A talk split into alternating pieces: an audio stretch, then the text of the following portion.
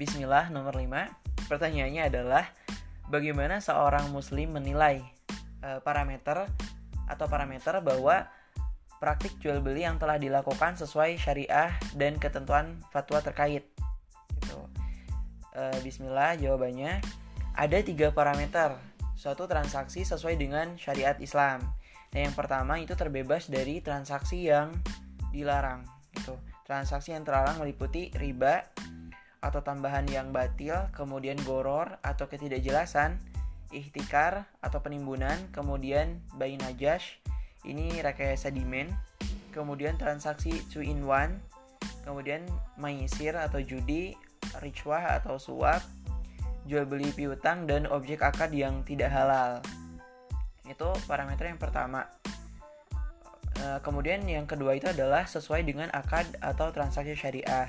Nah, jadi transaksi syariah ini menjadi penting untuk memperjelas gitu hak dan kewajiban yang didapat oleh setiap pihak yang bertransaksi kayak gitu. Nah, dan ketentuan akad ini sebenarnya sudah diatur dalam fatwa e, terkait gitu oleh DSN MUI atau juga oleh lembaga terkait. Nah, contohnya ini misalnya e, fatwa nomor 1 tahun 2000 itu tentang giro Kemudian fatwa e, nomor 3 tahun 2000 itu tentang deposito. Nomor 5 tahun 2000 itu tentang jual beli saham dan seterusnya kayak gitu. Jadi terkait transaksi-transaksi itu sudah diatur dalam e, fatwa DSN MUI gitu atau oleh lembaga yang terkait.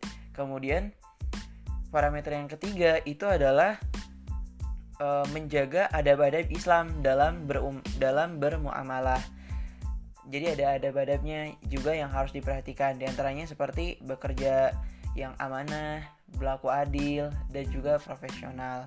Jadi seperti itulah uh, parameter yang bisa digunakan oleh seorang muslim untuk uh, menilai bahwa suatu transaksi itu sudah sesuai dengan syariah atau belum. Seperti itu.